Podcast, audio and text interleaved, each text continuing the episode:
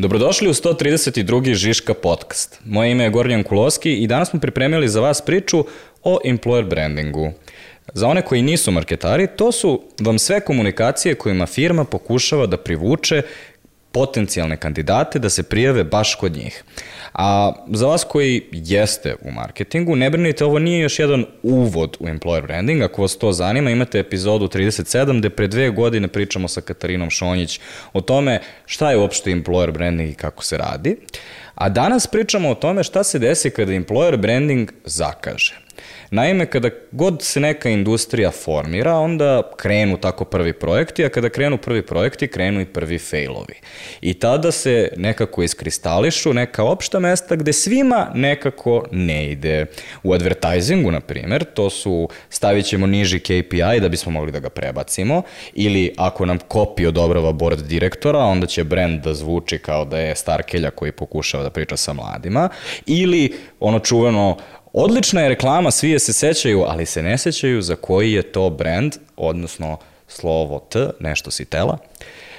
E pa sad, moj današnji gost, Nenad Sićević, veruje da postoje slične stvari u employer brandingu, a ne samo on, zato što smo na LinkedInu pitali i naš, našu zajednicu i dobili smo um, više nego dovoljno nekih um, opštih mesta gde se svi employer branding projekti zaglave, pa ćemo danas pričati o tome.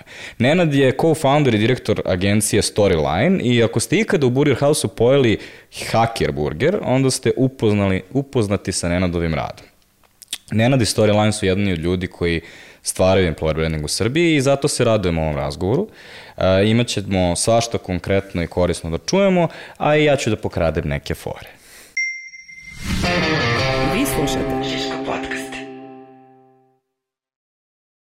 Uh, Elem, Nenade, ovaj, hajde da prvo objasnimo ljudima zašto pričamo o ovome. Uh, I ovo je u suštini prati neki neku eksploziju employer brandinga kao discipline. Jer pre samo dve godine, ja sam pogledao inače kad je taj naš podcast, ovaj, kada smo pričali prvi put o employer brandingu sa Katarinom, i to je pre nepune dve godine i tada smo pričali, a znate, ovo je onako biće, postojaće, ovako je neko, neki početci i sad otprilike postoji realno tržište employer brandinga u Srbiji. Slažem se potpuno, ovaj, pre svega hvala na pozivu.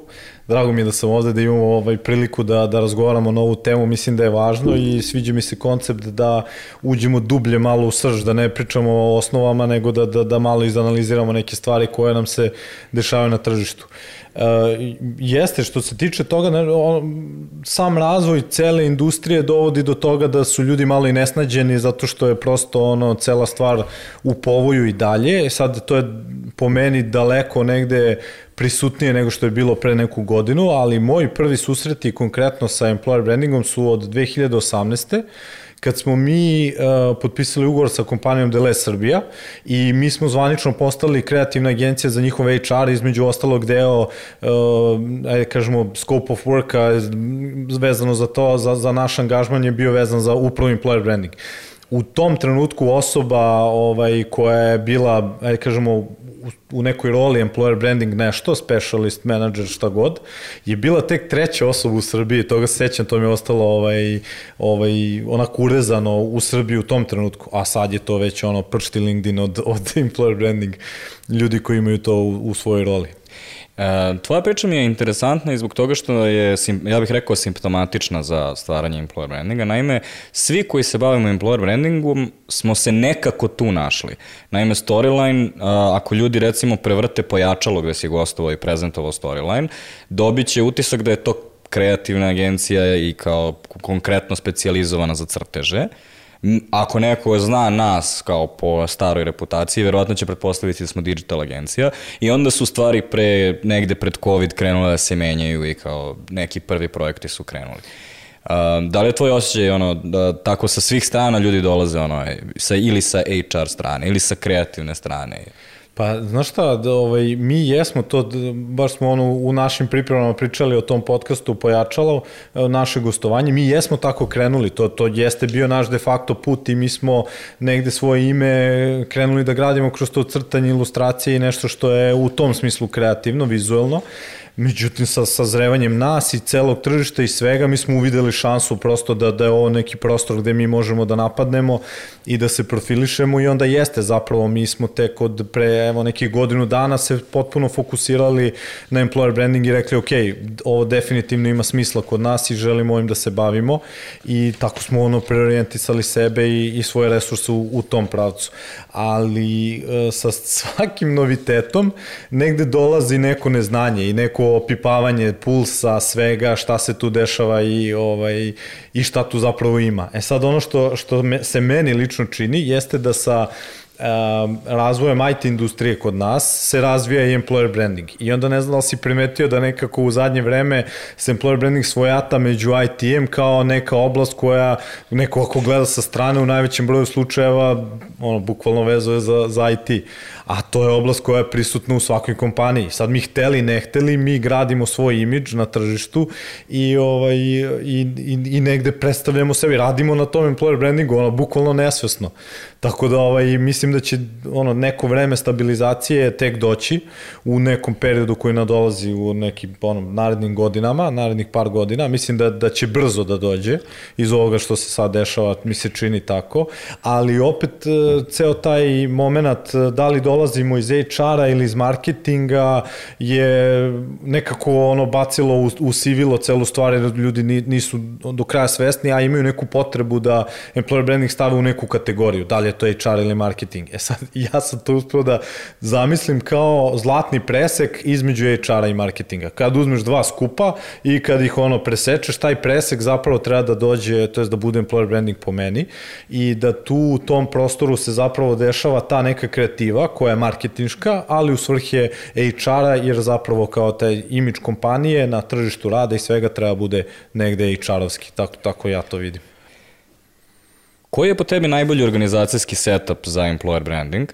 Ove, naravno nema tačko, tačnog netačnog odgovora, jer niko ne može još uvek da zna, ali ovo jeste jedna tenzija koju su ljudi identifikovali. Na primjer, Mirjana Pani nam je pisala, e, prvo što nikome nije jasno šta to dođe vola jeste, nije jasne su ingerencije, ili to spada pod HR ili pod marketing. Katarina Šonjić e, nam je napisala ownership, znači percepcija su employer branding procesi kod jednog, drugog ili kojeg departmenta.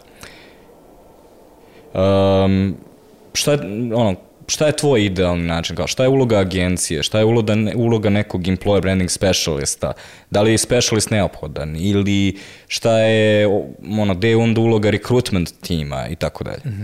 Pa, e, sad, pošto dolazimo iz, iz te naše kreativne industrije, sad zamisli situaciju u kojoj, to jest kako doživeti kreativnog klijenta, na primjer.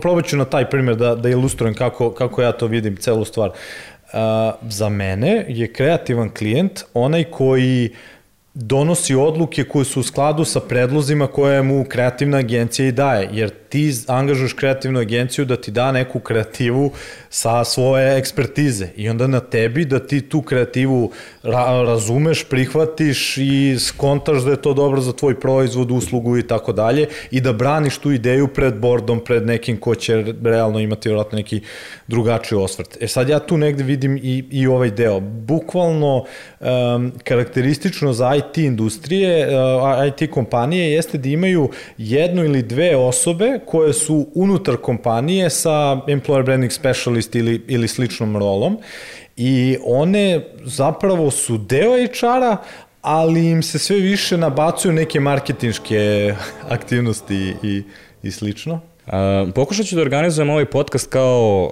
um, u tri neke faze. Uh, kompanija komunicira kandidatima, pa prvo se bavimo kompanijom i jedan problema je ovaj organizacijski setup, ali drugi uh, je nešto što ljudi zovu kreativna fasada. Odnosno, da li uh, je dugoročno održivo da kompanija koja im, jel, ima loš employee experience, odnosno iskustvo, ljudi ima dobar employer branding. Pa javljeno sam se uh, Daniel Milošević, Sonja Ivković, uh, Jelena Eraković, Dragoslav Todić i svi imaju u suštini neku vrstu istog pitanja, a to je uh, kako kaže naš narod, roba koja ne ide se reklamira. da. Ovaj, prva stvar koju ljudi treba da shvate jeste da employer branding e, je stvar koja se reflektuje iz polja iznutra.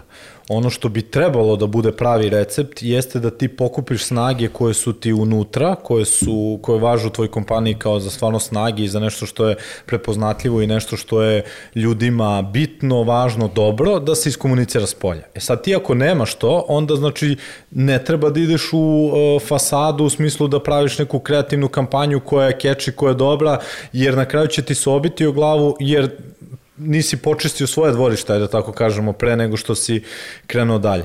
Tako da, po meni, e, preduslov za kvalitetan employer branding, u smislu nas, kreative, komunikacije s polja, u eksternom smislu, jeste, po, jesu zapravo poslužene stvari iznutra, u internom employer brandingu. Znači, to kad je dovedeno na neki nivo, onda ono, praktično ide dalje, ide s polja. Znači moramo prvo da, da budemo sigurni da su naši ljudi koji su već u kompaniji zadovoljni, pa onda da vidimo šta je to što njih čini zadovoljnima i da to reflektujemo s polja.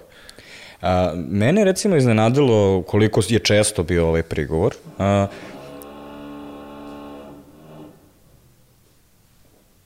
mene recimo iznenadilo koliko je čest bio Mene recimo iznenadio koliko je čest bio ovaj prigovor iz prostog razloga što a, ja sam jako redko bio u situaciji da neko svesno želi da kaže e sada ćemo da zamažemo oči employer brandingom. To se nikad nije desilo.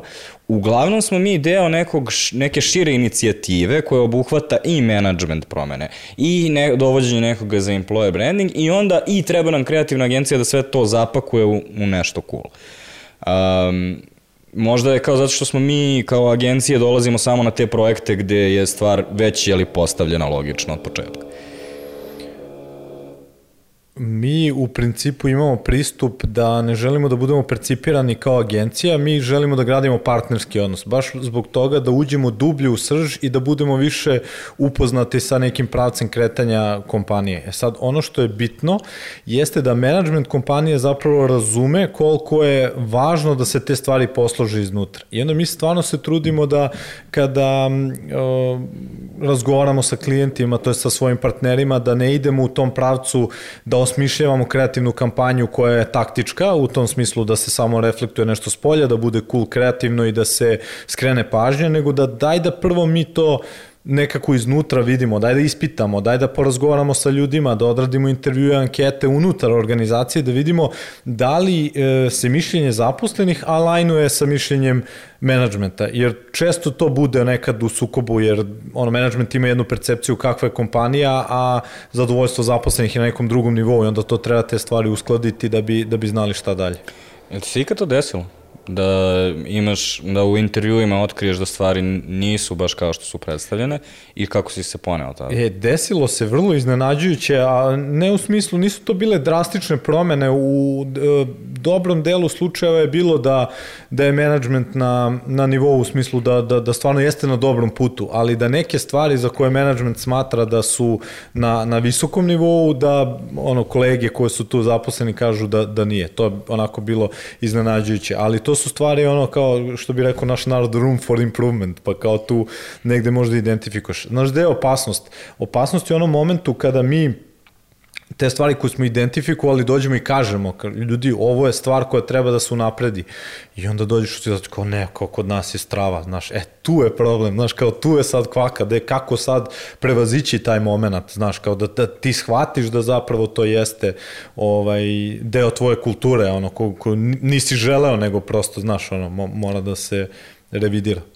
Ja sam recimo imao iskustvo gde um, je employer branding uh, bio deo šireg puša koji je bio i promena management praksi i uh, ona promena komunikacije i jednostavno uh, puna svest o stvarima koje su koje ne rade i onda smo mi dovedeni kao poslednji deo slagalice koji bi trebalo da ispravi lošu percepciju koja postoje. Uh, E, Ove... a, izvini, ali mogu da te pitam samo iz koje sfere dolazi ta, ta kompanija? Pa, kao, ipak većina dolazi iz IT-a, ovaj, tako da i ovo je uh, IT klijent. Uh, iz prostog razloga što uh, to je veoma kompetitivno tržište za talentima. Um, jako je teško naći uh, talente u IT industriji.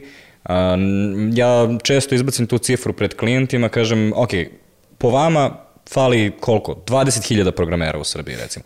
I 20.000 je neki sweet spot sa kojima se, se svi slažu. Uh, I jednostavno zbog toga što je ta industrija toliko ono uznapredovala u regrutaciji, pa imaš ono recimo referral bonuse kada neko nekoga preporuči, dobija cash incentive, odnosno dobija dodatni novac. Tu jednostavno ima najveći, najveć, najviše budžetskog prostora da se nešto radi u employer brandingu. Naravno, ja slažem se sa tobom, mi kao vaš početak kroz Delezi, mi smo isto tako pročinjali kroz firme koji nisu bile obavezno IT. Imamo dosta isto klinata koji nisu iz IT-a, ali realno većina tržišta za employer branding jeste u IT-u i dalje. Ovo, ovaj, tako da, neminovno smo svi malo, ono, i celo tržište obojeno, jeli time. Pa da, ja, ja mislim da je razlog tome bukvalno odnos ponude i tražnje na, na, na tom tržištu, jer kao, ona, ja znam ljude, ovaj, programere koji su u fazonu, ok, idem u ovu firmu, probaću tamo, videću, ako mi se ne sviđa idem dalje. I to, to nije ono, to nije ono upitno kao sad ti menjaš neku odluku koja je, to je donosiš neku odluku koja ti je bre ono od životnog značaja, utiče na kvalitet tvog života, a oni je donose vrlo lako jer su ljudi svesni da, da, da je to potrebno na, na tržištu. Ali tu ima sad pod kategorija raznih, ima i ljudi koji to zloupotrebljavaju, pa onda su u fazonu prodaju sebe, jer mi smo ovde sve, ono, pomenuo si regrutaciju, regrutacija je zapravo prodajni proces, ti sebe prodaješ kao dobar kadar, kompanija sebe prodaje kao dobru kompaniju i sad ko će sebe bolje da proda u svemu tome. I zbog tog odnosa ponudi ta, tražnje neredko se dešava da programeri sebe dobro prodaju u tom nivou da bukvalno ono dok ti u nekom velikom sistemu uočiš performans osobe, ta osoba je već pojela gomilu resursa i ide dalje i naći će gde da ode dalje zato što prosto takvo je tržište i potrebno je ljudima i negde se neke stvari, ono, ajde kažemo i, i, i napravi se kompromis za neke stvari misleći doći će na svoje pa onda bude bude ne, neisplativo. Hajde da pređemo onda na drugi deo um, podcasta, odnosno komunikaciju. Znači, kompanija komunicira kandidatima, znači pričamo o komunikaciji sada. I uh, broj jedan problem koji, smo, koji je identifikovan, najavili su nam se Dunja Funduk uh, iz Playrixa, Nikolina Božović iz sada Tenderlija i um, niko nije siguran kako tačno da formuliše, ali mogu ja da udradim siže svih komentara, to je Uh, svi smo šaljivi, svi um, ovaj, pravimo fore i onda to može da ispadne i besmis, besmisao i pravljanje cirkusa od kompanija ponekad. Da li misliš da je previše šaljive komunikacije danas u employer? Pa, e, IT sfera je otvorila ta, ta, tu mogućnost e, šaljive komunikacije zato što su neformalni, jer njima to nije bitno, jer je to taj Google moment da dolazimo u papučama na posao i stvari slične, ono što, što se šale ljudi, stoni tenis i ostalo. I to je sve prouzrokovalo moment da se negde gubi granica o aj kažemo, ukusu komunikacije. Sad, e, neko pretera, neko ne, sad tu e, različite su kategorije u smislu, ako po meni, ako si manja kompanija, 25-50 ljudi, pričamo o IT-u, možeš realno da, da u toj grupi ljudi da ideš ono, na granicu da budeš baš ono šaljiv i da e, se malo i rugaš tržištu i tako dalje da sebi dopustiš jer kao ono nekako si neformalniji, ali što je veća kompanija ja negde mislim da ne bi smela toliko da ide u šaljivo jer prosto ono neukusno je po meni. E sad komunikacija je tu ključna stvar jer ljudi na tom tržištu su bombardovani konstantno informacijama o ponudama, o važnosti posla, o tehnologijama i o svemu tome. I jako im je teško privući pažnju. I to je ono, ono problem broj jedan je zapravo privlačenje pažnje toj ciljne grupe. Pogotovo ako pričamo o, o ljudima sa većim senioritetom koji ono u fazonu ja ne tražim posao, znaš, kao, šta ćeš ti meni da daš da bi ja prešao dalje i da bi otišao, otišao korak, ono, otišao kod tebe, jer ja aktivno ne tražim posao, to je najveći broj slučaja. Um, I sad, eto, vidiš, sad mi pada na pamet kako smo otišli u sferu IT-a, koliko je to zapravo cela praksa okrenuta ka, ka tom tržištu da bukvalno evo sve primere koje iznosimo se nekako vezuju za, za IT. Pa to je, on, te sve šaljive kampanje kojih se sećamo su, koliko se ja sećam, uglavnom za, za IT firme. Um, I veličina kompanije sigurno jeste jedna od stvari. Uh, ono što je za mene uh, bitnije je da li si ti zaista šaljiva kompanija. Uh, jer šale, ovo je problem koji se prenosi iz marketinga, odnosno mm. advertisinga. Super način da privučeš pažnju, da. Međutim, da li si ti taj brand? Da li si ti brand koji će onda u svim drugim kanalima ili svaki put drugi kad se sretnemo ćeš isto da se šališ? ili si šališ samo tada kada ono, izbaciš taj video, a onda posle toga ono, dođemo na indukciju i kao, dobar dan, ovo je 47 pravila, kako ćete se od sada oblačiti, na primjer. Da, da, da. Uh, I ne mora, da, ne mora odnovezno da konflikt bude između toga da si šaljiv ili si birokratizovan. Znači, možeš ono, da budeš, možda tvoj možda tvoj employee value proposition nije ono, mi se šalimo, nego je mi radimo najbolje moguće stvari i ovde te guramo da ono, napreduješ koliko god možeš. I tu nema šale onda.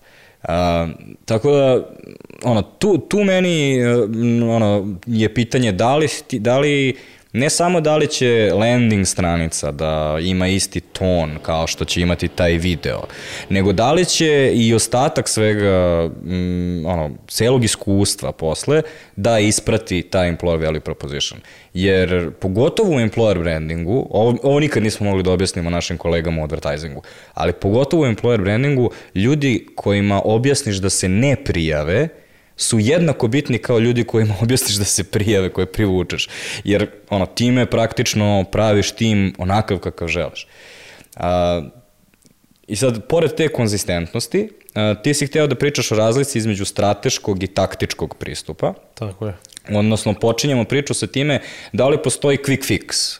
Da li postoji employer brandingu, ono, jel možemo samo da slikamo naše zaposlene, stavimo njihove profile na ovaj, flat pozadinu, neki našu žbljuzgu tu koja da se brandira da, da. i stavimo testimonial što mi je lepo i ako možemo stavimo to na billboard. Da, da, da, pogotovo na billboard. Ovaj, nekako out of home kampanje su nešto vaskrsle sa, sa employer brandingom. Ovaj, ne, nemam objašnjenje zašto. E, stvar sa komunikacijom u tom smislu, šaljivom, nešaljivom, ozbiljnom, ovakvom ili onakvom, je stvar koja treba da dođe iz EVP-a, kao što si rekao. Znači, EVP bi trebalo da bude polazna tačka, da to bude ono što mi obećavamo publici koji se obraćamo. E sad, sledeća stvar koja bi trebala tu da usledi jeste da uh, mi setujemo stratešku komunikaciju koja je neki, ne, neki naš brand promis, ajde tako ga nazovemo, koji će da traje određeno vreme. Ne kažem da to treba bude sad ono kao da narednih 10 godina, ali da ima neko, um, neku krovnu komunikaciju koja traje, ajde da kažem, barem godinu dana. Ajde da kažemo da se uhvatimo za tu konzistentnost. I onda ti uh, svoj ton komunikacije setuješ prema tom prema toj krovnoj komunikaciji, da tako kažem, i načinu kako ćeš da se obraćaš publici. I onda korak ispod toga je da definišeš sve te načine i kanale i ostalo I onda još ispod toga jedan korak su zapravo taktičke kampanje, koji će da budu ili reakcija na nešto, ili neki, e, na neku situaciju na tržištu, ili će da se odnose na neki konkretan program koji je zapravo deo employer branding priče. Jer employer branding je sve ono što se dešava u kompaniji što ljudi s polja vide.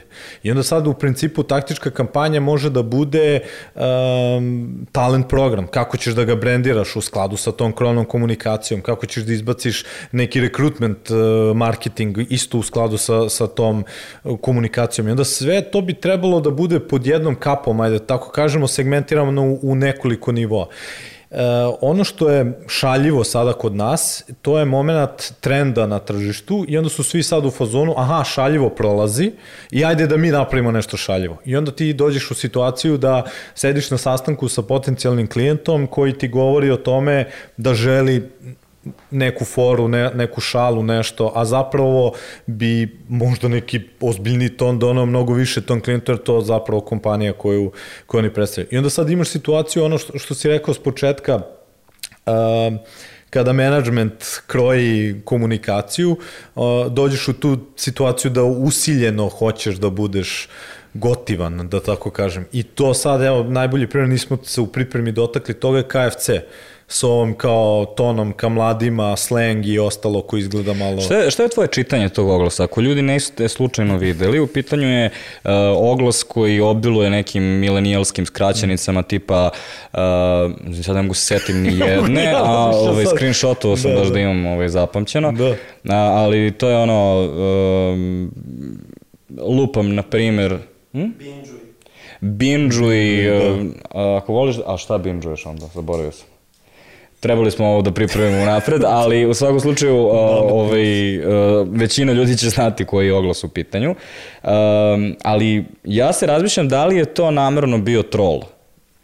Pa, znaš šta, ja sam ovaj, imao se jednu diskusiju online oko toga. Ja mislim da u suštini kompanija koja je spremna da se prilagodi publici, uh, to pokazuje zrelost, znači oni hoće da animiraju ljude da, da dođu i da rade te neke poslove koje, da kažemo, nisu atraktivni, to su neke početne pozicije gde su više sezonske i tako dalje, i onda mi je logično da, da se ti hvataš uh, tona koji publika voli, ali uh, opet usiljeno filmski ton i ton koji zapravo ti je oslučen. Znači, meni deluje da možda nisu do kraja istražili, u smislu da su možda trebali više da razgovaraju sa tim mladim ljudima, da vide koja bi poruka bila njima dopadljivija u tom nekom smislu istraživanja, a sad opet vreme, novac, sve koliko ima resursa za tako nešto. E, ja se razmišljam samo da li je cela poenta bila da naprave toliko količinu reakcije. Pa ne, Znaš, ono kada ne, na, namerno si cringe. Da, da, da, jasno da, da. mi je to i to, sad to.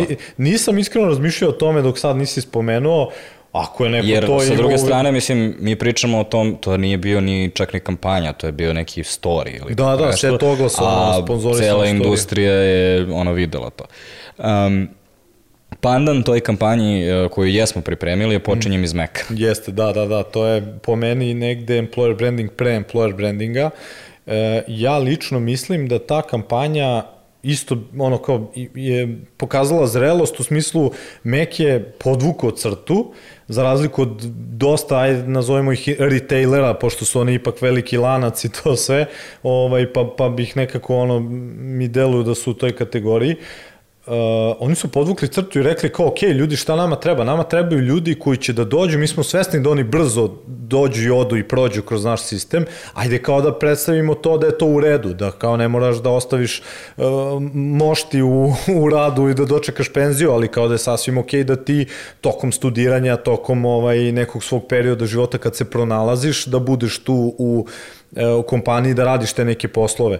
Ovaj, u moje vreme su to bile promocije, ja sam to radio ono, tokom studiranja i tako dalje, to mi je bilo strava, bez neke dalje percepcije da, da se bavim marketingom i na kraju sam i u, ušao u sve to.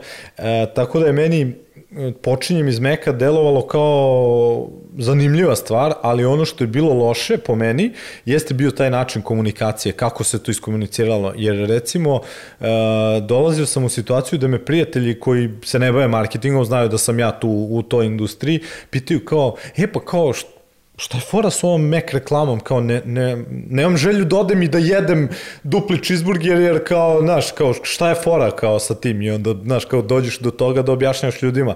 Tako da mislim da su oni možda mogli to bolje da ishindluju. Ne znam kakvi su rezultati bili svega toga, ali u momentu kad su oni to izbacili, mislim da, da nije toliko bilo zastupljeno, ono, pogotovo ne u takvoj industriji.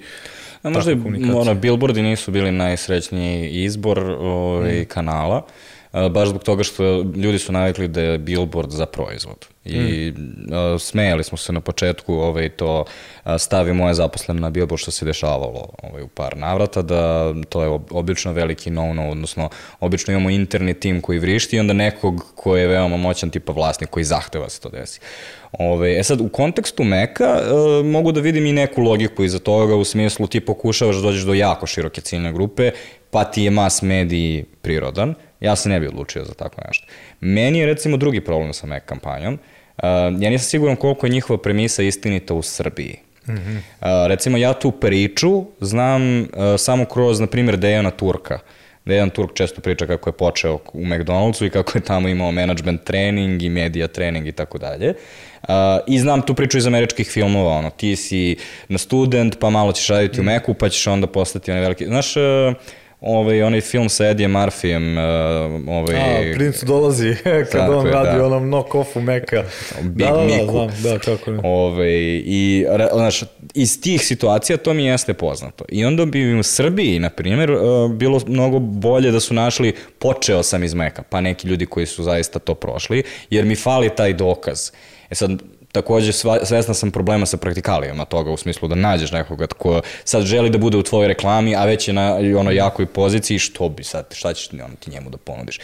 Ove, tako da ono, vi, samo kao nekako bih poradio na tome. Možda recimo postoji neki testimonijal ili tako nešto možda se uradi ili nemam pojma. Nešto to. E, a vidiš, recimo, sad si me vratio za malo razmišljanje vezano za ljude na, na Billboardu. Ok, Billboard kao medij za tako nešto složili smo se da možda nije idealan, ali ljudi u tome jesu zapravo važni onog momenta kada ljudima to nije nametnuto.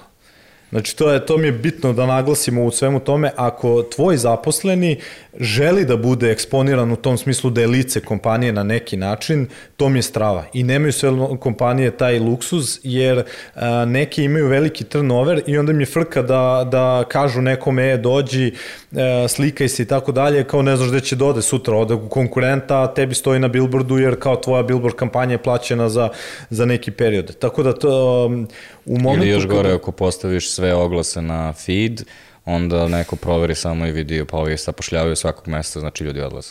Da, da, to je isto sad ovaj, dru, druga strana medalje, ono, kad, kad odemo duboko. Uh, tako da taj moment l- ljudi kao lica kompanije meni sasvim ok, dokle god je ljudima to ok da rade, jer u smislu kao brate, kao prihvatiš da budeš lice kompanije, da kao aktivno tražiš posao, znači nešto nije u redu u celom tom sistemu, ovaj, negde nisi zadovoljan. A to ovaj, počinjem iz meka, taj moment jeste zapadnjački, ajde da ga tako nazovemo, gde su to te neke pozicije na kojima ljudi rade da stasaju. Uh, vidiš, ono što mi je palo na pamet jeste da to možda neka ingerencija koja stiže recimo iz centrale to je sad druga neka problematika koja se dešava na našem tržištu kada ti imaš veliku kompaniju koja pošto poto hoće centralnu kampanju da prilagodi lokalno. Ja imam mnogo više problema sa drugim, drugom stvari. Morate pošto poto na engleskom. E, da, to je isto. Koji je, koji je tvoj stav prema ono, pričanju na engleskom sa ljudima u Srbiji? Pa ja mislim da i ono sa razvojem tehnologije nekako svi pričamo engleski ovaj, svi to razumemo i naša deca će to znati malte ne kao srpski, tako da mi više nije upitno to kao treba da, treba da znaš engleski kao na, na razgovoru za posao, to mi negde ovaj, pogotovo funkcionalno u tim nekim sferama da ti to zapravo i deo posla radiš u programima koji su takvi. Mislim da treba komunikacija ako je lokalno da bude na lokalnom jeziku, jer to je ta toplina koja daje ljudima kao mi smo ovde, sedimo ovde i radimo ovde, ono, mislim da treba da bude komunicirano na, na srpskom. E sad, to je ta problematika koja se bije da, da ti lokalizuješ kampanju, da neke fore koje su uh, prihvaćene na zapadu ne mogu da se prevedu pa da budu prihvatljive na srpskom, nego mora da se revidira način komunikacije i tako dalje. To su sad ono kao se, zavisno ko globalno odlučuje. A, mi smo svojevremeno, kada je digital počinjao, imali smo istu tu dilemu, a to je bilo da li da imamo globalne stranice, na primer Coca-Cola kao brenda, ili treba da imamo Coca-Cola Srbija kao Facebook stranicu, pa posle Instagram stranicu i tako dalje. I ti možeš tačno da vidiš razliku u engagementu, u smislu možeš da vidiš, ono, kvantifikuješ kolika je ogromna razlika kada pustiš ljudima globalni spot sa engleskim nazivom, kada pustiš lokalno globalni spot sa engleskim kopijem ili kada pustiš sve dabovano na srpski. Kada se obratiš čovjek, kao kad uh, ovaj, šetaš ulicom, ima jako puno ljudi i sad svuda oko tebe nešto se čuje, jel tako? Ali u trenutku kada čuješ, recimo u stranom si gradu i čuješ srpski, bukvalno antene se odmah ono, ne, okrenu ka tamo. Jednostavno programirani smo da onda više obraćamo pažnju na takve stvari. I opet, totalno je neprirodno da kompanija, realno, znamo da mi da ti znaš engleski, jer ćeš raditi u toj kompaniji. Ali kada dođeš i sedneš sa rekruterima, neće biti please sit down, would you like some water, ako ste svi iz Srbije. Kao bit će jako čudno da, da se tako nešto pitaju. A, tako da da, slažem se, signalizira tu neku toplinu. Ove, a, nego da se vratimo na quick fixove. Mm -hmm. Ali hteo sam da ispričaš ljudima pozadinu iza a, Hacker Burgera, mm -hmm. zbog toga što sam siguran da neki ljudi, na primjer, pogledaju samo šta je urađeno na kraju i budu u fazonu a Levi Naj napravio burger i nazvu ga Hacker, a baš im je dobra fora, kao, a, razumeš, da, kao, jest. zvuči kao da je možda quick fix, objasni ljudima šta je strategija iza i kako je došlo do te kampanje. Uh, Hacker Burger kampanja je bila deo, to jest to je bila taktička kampanja koja je bila deo uh, strateške kampanje krovne komunikacije koja je postavljena da na taj način smo postavili stvari da um, programere stavimo u kontekst majstora kao zanata 21. veka jer negde smo mi identifikovali da to jeste tako. I kada smo istraživali, videli smo da su ovaj, oprečna mišljenja. Ljudi su ili u fazonu kao, pa da, jeste, kao čovječ, ja sam zanatlija, ja tamo nešto pravim, kreiram, stvaram svojim intelektom, svojim rukama, kucam tamo, a neko je u fazonu u onom nekom e, mišljenju majstora, a završit ćemo, znaš, kao bit će ti to završeno Burazaru, pa ništa, pa te zavlačim, pa pa ono. I onda su bila oprečna mišljenja, to je bila je tema vrlo polarizovana, da se ljudima to ili dopalo ili im se nije dopalo u kontekstu komunikacije u tržištu koje je zasićeno, polaritet je dobar u tom smislu ako je dobro i pravilno postavljen. I onda smo mi uh, nastavili celu komunikaciju sa majstori koji znaju znanje, su majstori koji su potrebni kompaniji Levi 9, uh, to je Levi 9. E sad, pod kontekst toga je bio daj da istražimo hranu kao nešto što je majstorski u smislu kao da, da kažemo proizvodi koji su kvalitetni. Hteli smo da pobegnemo od toga da, da to ne bude fast food ni pošto, nego smo imali sete nekih karakteristika koje smo želeli da implementiramo, da to ne bude uh, ono neki quick fix, neko lako rešenje, nego da stvarno uđemo u subkontekst toga i da stvarno napravimo nešto drugačije na, na, na tržištu. Uh, inovativna ideja u svemu je bilo zapravo da otvorimo hranu kao ono kanal komunikacije koju nismo primetili da je neko radio do sada, pogotovo ne u ovom kontekstu co-brandinga i tako dalje. I onda prvi korak koji smo uradili bio je da uh, osmislimo set pitanja, da vidimo šta je to što programeri jedu. I s obzirom na to da imamo na raspolaganju 650 najnera, uh, mi smo pitali njih da vidimo šta je to. I onda su burgeri ispali tu uh, u top 2, drugo mesto, to je prvo drugo mesto je bila pizza, što isto opet da kažeš zanatski neki, neki proizvod tog tipa, ali nam je negde bilo logičnije da to ipak bude burger, jer pizzu ono, redko kad jedeš sam, jedeš, jedeš uvek u društvu, pa je nekako sa, sa ovaj, načinom komunikacije bilo mnogo zgodnije da to bude burger.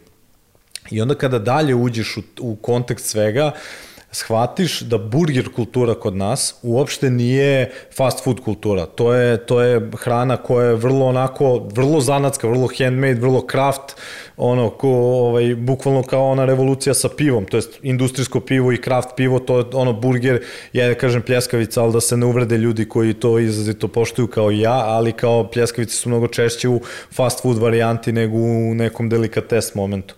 I onda smo mi tražili ovaj, adekvatnog partnera, za to izabrali smo Burger House, obzirom na to da ljudi su od 2013. na tržištu i uh, bukvalno su napravili ono, neki ozbiljni iskorak baš u tom pravcu zanatskom. Jer momci su odrasli u Americi, povukli celu to burger kulturu iz Čikaga, napravili to 2013. ovde, kada si ti burger tu i tamo mogao da pojedeš u nekom restoranu, oni su napravili joint, ajde, to je tako krenulo s početka, pa su posle otvorili uh, restoran restorane svoje i oni su nam bili vrlo, vrlo kvalitetan strateški partner u svemu tome jer su imali logistiku da podrži do, ovaj kampanju, jer Levi 9 ima kancelariju u Novom Sadu, u Beogradu i u Zrenjaninu Oni u tom trenutku otvaraju novosadski restoran, dva imaju u Beogradu i imaju food truck koji bi nam zadovoljio potrebu za, za Zrenjaninom. E sad, kada uđemo još dublje u, u celu stvar, način izrade, um, ekipa se stvarno oduševila idejom i krenuli su da razvijaju kako bi mogao da izgleda taj burger, to jest šta bi to moglo da bude. E, mi smo čak i tu otišli korak dalje i povukli najnere na fokus grupu, da oni ispitaju koji su to ukusi koji su njima da kažem negde dopadljivi i zadovoljavajući. I onda je bukvalno Burger House Bros ekipa je uzela i napravila dva neka, da kažemo, ukusa primarna, koje su najneri testirali i ocenjivali Best su... focus so, group ever. Znači, e, znači ti ne možeš da zamisliš to, ja sam bio prisutan tamo, to je ono zezanje uz pivo, sve super, napravili smo im Google Forms anketu da, da popune sve šta i kako, ocenjivali su zemičku, sos, uh, sireve, sve, ono, bukvalno začine koji su tu korišćeni i mogu ti reći da je ekipa tako ozbiljno pristupila tome da se ja bio oduševljen, znaš, ono nije bilo u fazonu, a došli smo, popijemo pivo da pojedemo nešto, nego su stvarno ono, ekipa je dala sve od sebe da to bude to i bukvalno ono što su oni izabrali iz ta dva burgera, kad se to ono pretočilo u taj jedan, finalni ukus, to je stvarno bilo najbolje od oba. Mislim, bio tu probaj jedan i drugi, ta treća varijanta je stvarno bila strava. I ono što je dodatno značajno u celoj priči jeste to što su um, bukvalno svi materijali korišćeni za razvoj tog burgera prvi put iskorišćeni u bilo kom burgeru, znači nisu mogli da se nađu pre na meniju Burger House restorana. I to je ono, znaš, kao još dodatna stvar. I onda mi kao, ajde, daj još. onda daj devet sastojaka. Sastavljanje burgera od devet sastojaka. Ajde da vidimo kako još onda to možemo u sub kontekst da, da povežemo sa brendom. Uh, Stefan Lazar i, i Mirko su nam izašli u susret i napravili uh, kombo cenu zajedno sa pomfritom, da je to 999 dinara, što inače ono, ne postoje takve kombinacije kod njih. Tako da i tu smo otišli, znaš, ono, bukvalno sad došli smo do te mere da tržište ne može da nam kaže, e, ma ajde, kao, kako je to po ukusu zajednice, kao, pa evo, programeri ga pravili, razumiješ, ono, bukvalno niko od nas nije bio upleten u to. E sad, ono, e, što je bukvalno ono 100% proof, jeste da su čak i oni dali ime, e, Nineri su ga krstili, jer je fora bila bukvalno na tome fokus grupi, su mi ostavili ajde da ih pitamo šta, kako oni misle da bi trebalo da se zove. Mi smo imali nekoliko radnih naziva u svemu tome, kao kako bi to moglo da izgleda, ali rekao, ajde da, da ih pitamo. I neko je rekao haker u, u svemu tome. I smo mi krenuli da mozgamo i rekli, pa čoče, kao ovo je strava, ostvara nam komunikaciju da je Levi 9, IT kompanija, hakovala Burger House, Bros, ono firmu koja se bavi burgerima, nečim totalno drugim, i onda smo nekako tako uspeli da spojimo nespojivo. I tako se zavrtela cela komunikacija. Tako da evo vidiš koliko jedna taktička kampanja zapravo ode u, u, u dubljinu raz, u, u dubinu, dubljinu, u dubinu razvoja cele priče i ono što je jako bitno da ta, taj proizvod koji smo mi razvili bude dostupan na neko određeno vreme. Nama je bio dostupan na tri meseca zbog dobrog interesovanja i odziva je produžen još na mesec dana, u dva navrata još po dve nedelje, tako da praktično cela aktivnost je trajala četiri, e, četiri meseca i za to vreme prodato oko 3000 burgera, što je ono premašilo sva naša očekivanja i, i sve, znaš.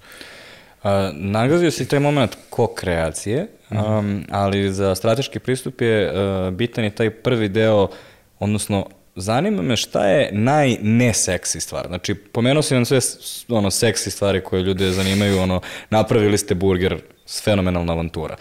Šta je onaj deo gde je neko morao da sedne, zasuče rukave i moralo je biti odrađeno? Ono nešto dosadno što se desilo u celoj toj kampanji, počevši od toga sa majstorima, ne samo sa burgerom. Uh, bilo je, bio je veliki izazov za nas jer je to bio, kako je zapravo nastala cela stvar. Mi smo počeli da, da mislim, kako da se izrazim, Uh, krenuli smo u komunikaciju sa Levi 9 i onda je to, mi se nismo poznavali pre toga i onda je pred nas postavljen baš težak zadatak da mi osmislimo nešto drugačije na, na, na celom tržištu. I onda smo baš analizirali, to je bilo ono, mislim, ono što je najneseksi u celoj priči jeste zapravo to uh, što je tržište toliko specifično da tipa mora da se meri svaka reč bukvalno i da onda neke stvari uh, su morale baš da prolaze neke rigorozne kontrole od strane uh, kompanije da, da bukvalno ono, mi, mi smo se onako svojski borili da to ostane na toj granici polariteta, da bude ovaj, da, da, da baš izazove to, znači nije pojenta da se svima svidi, ni, ni za šta, ono, imaš ljude koji konzumiraju Coca-Cola, koji konzumiraju Pepsi, nije, nije sporno i to tako treba da bude, treba postoji neka alternativa. I, ovaj, I onda je bilo velika borba u tom nekom, aj kažemo, birokratskom smislu da te sve stvari upeglam. Ono što je isto bilo ne seksi u celoj priči jesu te neke produkcijske stvari, jer ti bukvalno radiš nešto što niko pre nije radio i onda ti sad objašnjavaš ljudima koji proizvode taj papir u koji se burger pakuje, da to treba bude ovako specifično, taj papir se prodaje na kilo, minimum je 100 kila, iz 100 kila možeš prodaješ godinu dana taj burger i onda kao kako da optimizuješ te neke troškove, to je ono, to, tabele, to je ne seksi u, u celoj priči, znaš, ono, tako da je bilo izazovno s te strane uh, uklapanje tih dobavljača i tih svih činilaca tog projekta koji zapravo nisu bili ono, nikad pre nisu videli tako nešto, znaš, ono, to je bilo A, pada mi kao ovaj kontraprimer uh, je odlične kreative koja nisam siguran šta strateški radi je ovaj uh, Jumbo Out of Home koji je bio mm -hmm. da ono, da li želiš da radiš za Kikiriki. Mm. Uh,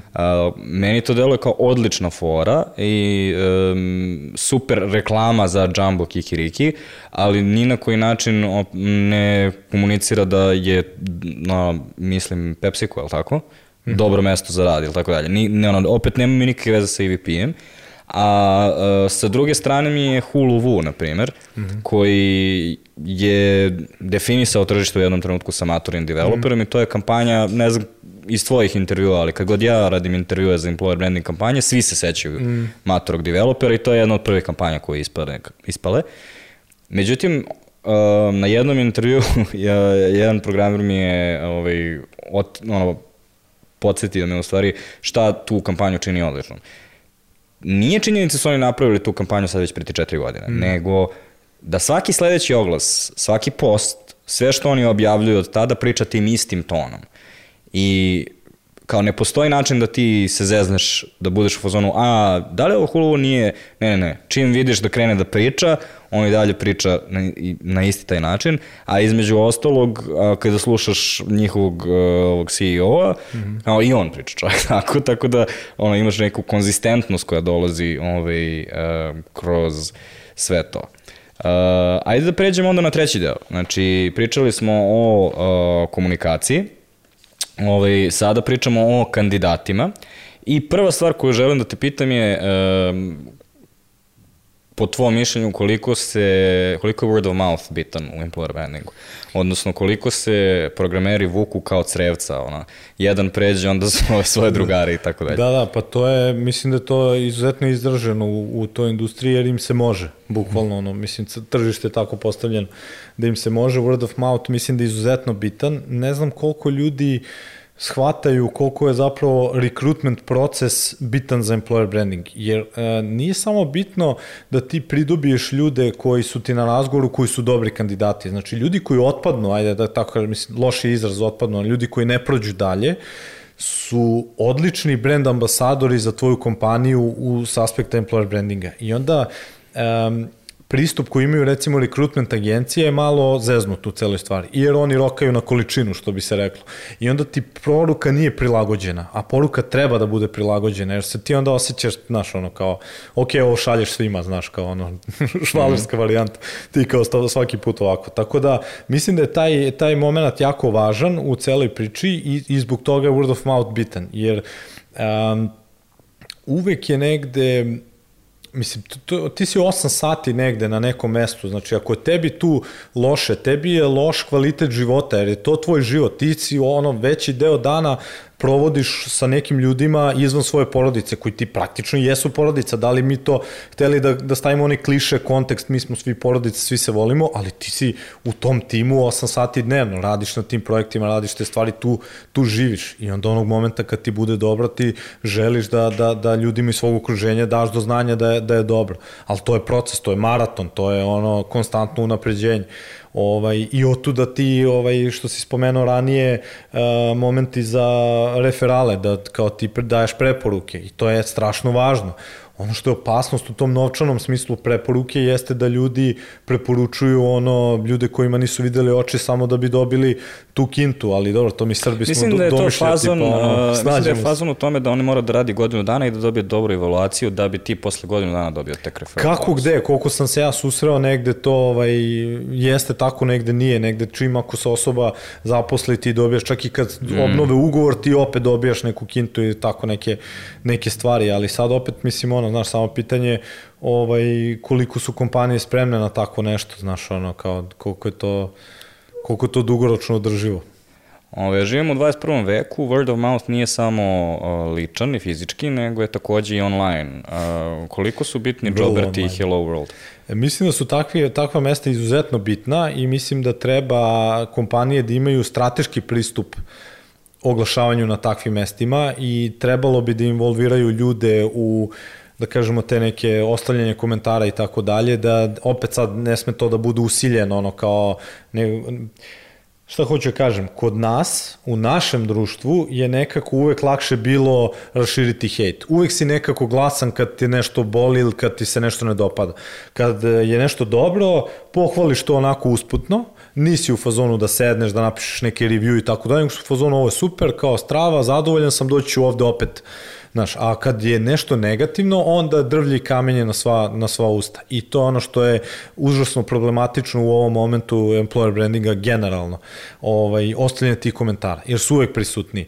Konkretno, mi smo imali komentar za, za Hacker Burger, da je neko napisao... Loši burger, ne želim da radim u da, da, ako, ako je kompanija kao što je burger, šalim se. Ovaj, ne, osoba je uh, napisala e, pošto je koštalo jeli 999 dinara zajedno sa pomfritom, kao, uf, kao soma kinti za burger. Znači, u tom postu je bilo objašnjeno kroz ono karosel objave da je kombo cena za burger i pomfrit. I ti sad dođeš u situaciju da taj neko je preleteo to i kaže soma dinara za, za, za burger.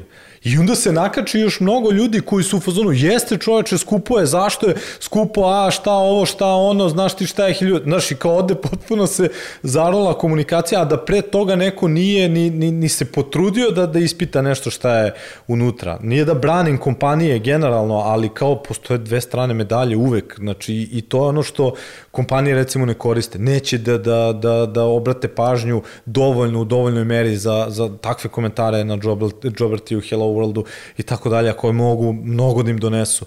Jer kao sad ti istraživanje je mnogo dostupnije nego, nego nekada. Ono, u moje vreme kad smo se zapošljavali dalje je važilo ono, idi u državnu firmu na državne jasle da ne radiš ništa, dećeš kod privatnika kao ostavljaš kičmu. Još kad sam ja odlučio, to jest Jovana i ja, da, da pokrenemo svoj biznis, to je bilo ono, idi bresine, de, dećeš. Ove, um, šta kažeš onim ljudima koji, e, onim cinicima, koji su u fazonu bolje da ste meni dali veću platu nego što ste doveli Nenada da radi employer branding?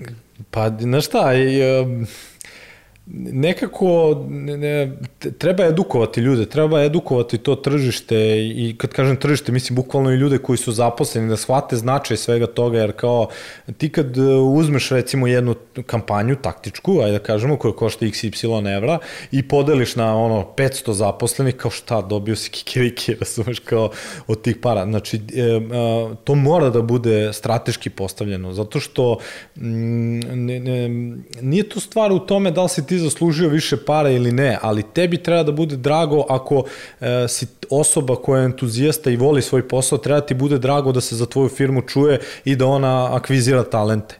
E sad, tu ako opet uđemo dublje, tu je moment gde ljudi kod nas u fazonu ja radim, to je posao, posao u negativnom kontekstu. Ne znam da li si to primetio kad su ljudi kao, ja, brate, idem na posao. Znači, tako si ti sposoban da 8 sati sediš negde da si nezadovoljan, to onda nešto, znaš, kao nešto govori o tebi. I onda kao neka, neki quick fix je zapravo dode još love, dode još love, dode još love, da, da zapravo ti kao na tu neku materijalnu satisfakciju kao okrećeš na neko zadovoljstvo, a zapravo nije. I onda kao teško je naći taj balans i dokazati ljudima da je važno imati takve kampanje da bi ljudi videli kompaniju, to je ono strateško ulaganje, to nije prodavanje magle kako nažalost dosta precipiraju marketing i slične, slične stvari, to je ono da ti zapravo vidiš i skreneš pažnju na sebe u momentu kad je ono borba za pažnjom ono bukvalno surova bitka. Da, ali takođe uh, IT industrija ipak vodi po platama i to je, ja to osjećam akutno recimo koliko nas, naša marketinška industrija kasni i mm -hmm. možeš da vidiš iz moje generacije kolega koje, ono, gde smo radili zajedno u agenciji ili ono, generalno ljudi koji su to godište, svi su na jedan ili drugi način završili u IT-u. Ili su employer branding specijalisti, ili su uh, direktori marketinga za neku malu firmu ovaj, pa se bave nečime. Um, jako malo njih je prošlo onaj standardni put uh, od brand menadžera pa mm. senior brand menadžera u nekom velikom FMCG brandu, što je recimo bio default put od pre jedno, mm. desetak godina.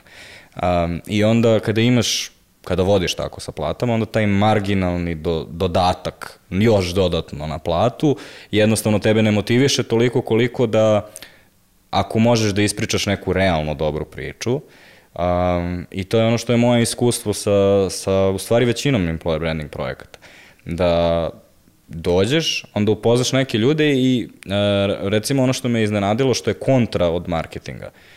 Uh, u marketingu kada ti ljudi kažu nešto je super, ti si navikao da budeš skeptičan i kao da. šta nije super. U employer brandingu mi se desilo da jako često ljudi dođu i kažu ovo je kod nas super, ja budem u fazonu, a neće ovo da prođe. I onda ti na intervjuima vidiš da ljudi u stvari zaista veruju u to. Da, da. I onda je tvoj zadatak da samo to izraziš, da poka bukvalno da samo skloniš gomilu žargona, gomilu, um, ono, znaš onaj stari copywriting, ono, uh, we are a tech-driven, um, a very platform-oriented company providing solutions for our best needs i ostalo ono, salata koja mhm. prikriva mm. to da, ono, u ovoj kompaniji ćeš najviše da učiš, na primjer, da, ili da, nešto drugo. Da.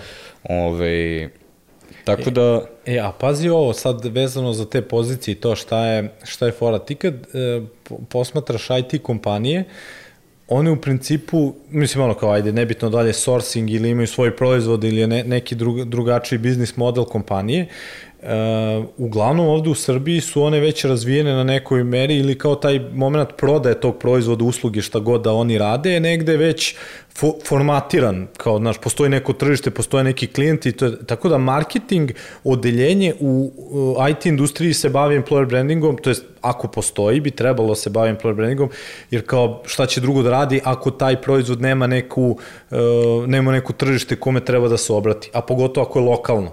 I onda, znaš, kao to je isto, kao i neke, neko osnovna znanja elementarna iz marketinga dobro dođu u IT-u za, za te komunikacije. E sad, ja verujem da će to doći na svoje sa ono, HR-om, marketingom i tako dalje, da se pričaju te priče, A ono što bih se nadovezao za, na, na, na ovu tvoju konstataciju, ti kad pričaš sa ljudima u kompaniji i kad vidiš stvarno neke vrednosti koje oni, oni dele, kad oni pričaju sa entuzijazmom, znaš, ono, to, to je to, to, tu vrednost treba vidimo svi, znaš, kao, i tu onda nema, nema laži, znaš, kao, laži onog momenta kada e, tebi ljudi daju informaciju da lupam najbitnija stvar za njih je tim, sad karikiram, a tebi dođe management i kaže ne, ne, ne, tehnologije su najbitnija stvar, kao, znaš, a rade se, ne znam, legacy projekti, a ono kao ljudi ne, i ti sad ono de facto komuniciraš nešto što je... Izgrestio si tri skraćenice koje ljudi koji nisu u employer brandingu da, neće razumeti. Da, viš kao se, da, ali da. bukvalno sam te razumeo i u fazonu sam odjedno mi se upalila lampica. Da, čekaj, ajde da kažemo šta je... Uh, nije, nije toliko bitno, ono što, ono što je kao šira poenta je da um, krenuo si da objašnjaš stvari razliku između toga kada management forsira jedno, a ti otkriješ drugo u intervjuima. Nebitno je za šta je bilo tačno. Da, da. E, recimo, to je karakteristično za kompanijsku kulturu, da, da imaš situaciju da management doživljava kompanijsku kulturu na, na jedan način, I onda to kao pričaš s ljudima i to je njih, za njih potpuno nešto drugo, kao ključni pilari, to jest vrednosti koje gaji kompanija su za, um, za zaposlene neke potpuno druge četiri stvari u odnosu na to šta, šta, sva, šta smatra menadžment. I sad šta je fora? Ko je tu u pravu? Znaš, kao ti kad pogledaš ko je tu u pravu? Znači, u principu treba da treba zapravo se sretnu te dve stvari treba menadžment da bude dovoljno savestan da kaže aha, ok, ovo nije onako kako mi percipiramo da jeste, ajde da vidimo šta kažu naši ljudi i da onda to što oni kažu prilagodimo na taj pravi način kako mi zamišljamo, to je te neke vrednosti koje mi smatramo da bi trebale da idu. I onda bi zapravo pod nekom tom krovnom ideom i ideolo, ideologijom menadžmenta bi trebalo da se, da se usklade te dve stvari, ono da legnu kao ne znam, ono, kao dva neka zupčanika šrafa, nema pojma da, da onako bude... Opet jedna... majstorska analogija. Ne? Pa šta ću ja, da. Ovi, sviđa mi se to zato što um, verujem da su konsultanti, odnosno ljudi koji dolaze sa strane, odnosno agencije, su najbolji kada mogu da tako otkriju različite perspektive koje postoje u istoj firmi i onda ih nekako pomire. Mm. A, I mi jako često imamo to iskustvo da dođemo u jednu staklenu fancy sobu, kažu nam šta treba da uradimo i onda odemo da. u potpalublje i kao ovaj, otkrijemo da sve varniči. I mo, možda je to ona dobra employer branding metodologija, nije samo hajde da napravimo priču, nego hajde da otkrijemo šta treba da, da ispričamo. Mm -hmm. I ako to ono, počneš sa time kao konsultant, onda si verovatno već pomerio projekat da. u mnogo boljem smeru. E, a ček, izvini samo da ti ispričam ovu jednu, jedan zanimljiv primer šta mi se desilo na jednoj radionici. A, pričam sa devojkom koja je employer branding specialist, čini mi se ili tako neka pozicija, e, kažemo, srod, srodna ovoj našoj temi u ovaj, jednom retaileru velikom i dolazi novi CEO koji je stranac i koji u fazonu ja znam sve o employer brandingu, kao, znaš, kao buzzword trending, sve ovo ono, i devojka sa tolkim entuzijazmom priča o tome jo, kao pa CEO, kao zna za employer branding i kao strava ima razumevanje i to, ja kažem, jesi sigurna da je to dobra stvar, jer kao osoba na C-levelu kao da se bavi time, znači, a ne daj Bože da nađeš tu da, da je nešto nije u skladu sa percepcijom te osobe, kako ćeš ti to da, da implementiraš, razumeš, ono, sa C-levelu, pogotovo u nekom sistemu koji je vrlo tradicionalan, ono, retailer od, ne znam, ja, hiljadu i nešto, 2000, 5000 zaposlenih, kako će ćeš ti to da implementiraš. Znači, ono kao, nije nužno to uvek dobro, znaš, ono, na, na tom nivou. A, možda tako što mu daš ovaj podcast i simultanog prevodioca. da, da, da vidit ćemo. Evo, apelujemo, da. Ove, Nenade, hvala ti što, pre svega što si se pripremio ove, i, i što smo analizirali neke konkretne primere i pričali o dobrim i o ne tako dobrim praksama, što nikad nije ono preterano zahvalno u našoj industriji, ali duboko verujem da to čini razgovore ono, smislenim i da donosi vrednost ovom podcastu. Takođe, mnogo ti hvala što si izdužao hiljadu puta prekidan podcast zbog ovog bušenja koje se dešava, a vi izvinite ako ste čuli slučajno neku burgiju, ovaj, imali smo nenajavljene radove u kancelariji iznad nas. Um, I ako ste uspeli da dođete do ovde, uh, svaka vam čast i sigurno vam se nešto dopalo ovde, pa nas zapratite na YouTube kanalu ili našim audio platformama. Ja uvek preporučujem da uh, umesto toga da pratite podcaste od nedelje do nedelje, proberete ili goste ili teme koje su vam interesantne, ne samo na našem podcastu, nego na bilo kom podcastu koje slušate, a ako vam je ova tema bila interesantna, onda stvarno možete da poslušate tu epizodu broj 37, kada pre dve godine pričamo o začecima employer brandinga sa Katarinom. A, ili um, epizodu 120 gde smo imali um, regrutovanje u IT, odnosno istu ovu priču iz percepcije regrutera a, sa a, Đorđem a, Cupaćem iz um, BPS. A, čuli ste takođe da smo bacali neka imena tokom epizode, ja na, nisam nažalost uspeo da pomenem sve ljude koji su se javili, izvinite, ali trudit ću se. To su ljudi koji se javljaju na moj LinkedIn profil da me možete zapratiti da ovaj, učestvujete u pripremama i uh, primjerima koje iznosimo u podcastu.